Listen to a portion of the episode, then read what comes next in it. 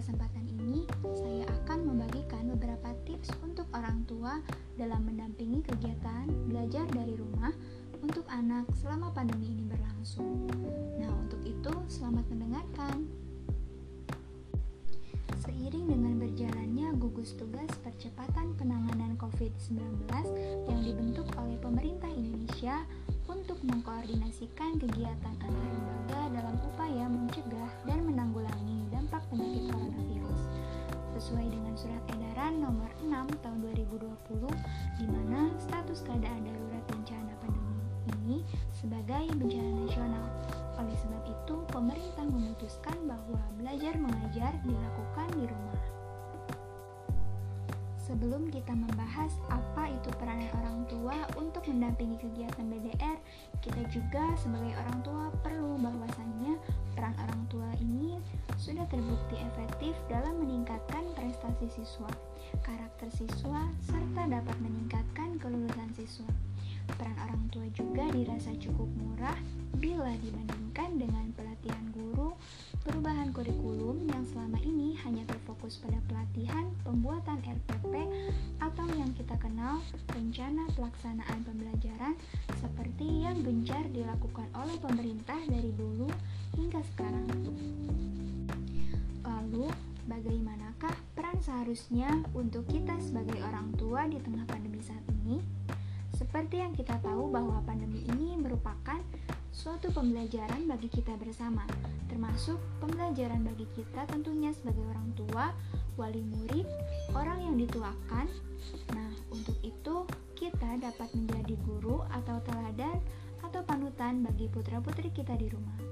Maka dari itu, betapa pentingnya orang tua atau peran kita sebagai pendamping anak saat kegiatan belajar yang dilakukan secara daring, di mana peran kita di sini dapat menggantikan tugas seorang guru sebagai fasilitator saat di sekolah.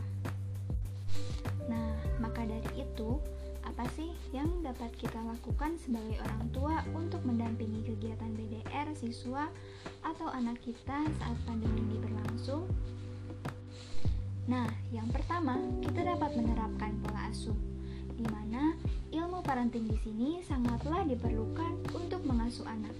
Yang pertama, kita sebagai orang tua harus memastikan bahwa kondisi anak kita itu sehat serta sudah memperoleh nutrisi yang cukup bagi kesehatan perkembangannya. Kemudian, kita sebagai orang tua juga di sini harus selalu mengawasi penggunaan gawai di mana penggunaan gawai ini dapat menyebabkan efek buruk pada kesehatan mata anak kita.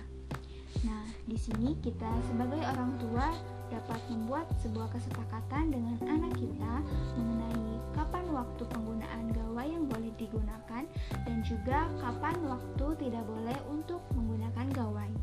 Sehingga penggunaan gawai dapat terkontrol dengan baik tentunya.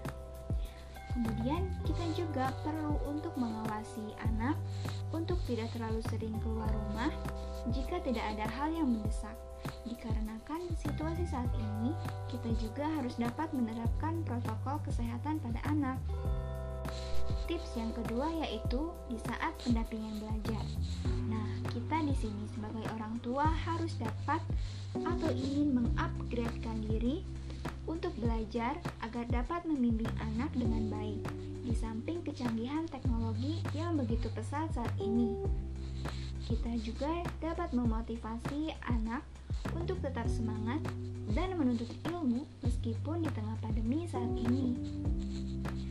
Kemudian, kita dapat mendatangkan tutor atau guru private pada anak kita, karena ada kalanya kita sebagai orang tua merasa jenuh untuk mendampingi anak belajar. Maka, solusi yang tepat adalah mendatangkan seorang tutor atau pengajar ke rumah sehingga anak tetap terbimbing dengan baik. Selanjutnya yaitu komunikasi. Dalam aspek ini, orang tua harus menjalin komunikasi yang baik dengan guru. Orang tua disarankan untuk sering menanyakan berbagai informasi mengenai perkembangan anak selama BDR ini berlangsung.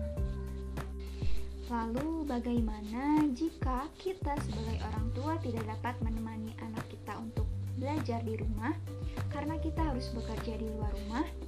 Nah, untuk kasus ini, kita dapat meminta tolong atau meminta kerjasama kepada orang-orang terdekat kita seperti paman, bibi, kakak, ibu atau ayah, bahkan tetangga kita untuk meminta mendampingi anak kita belajar di rumah.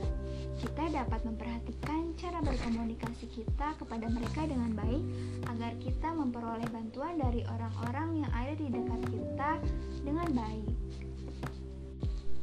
Demikianlah beberapa tips mengenai cara mendampingi anak kita selama belajar dari rumah secara daring ini serta kita juga dapat mengetahui apa saja peranan orang tua dalam belajar di rumah. Untuk itu, saya ucapkan terima kasih kepada para pendengar. Wassalamualaikum warahmatullahi wabarakatuh. Sampai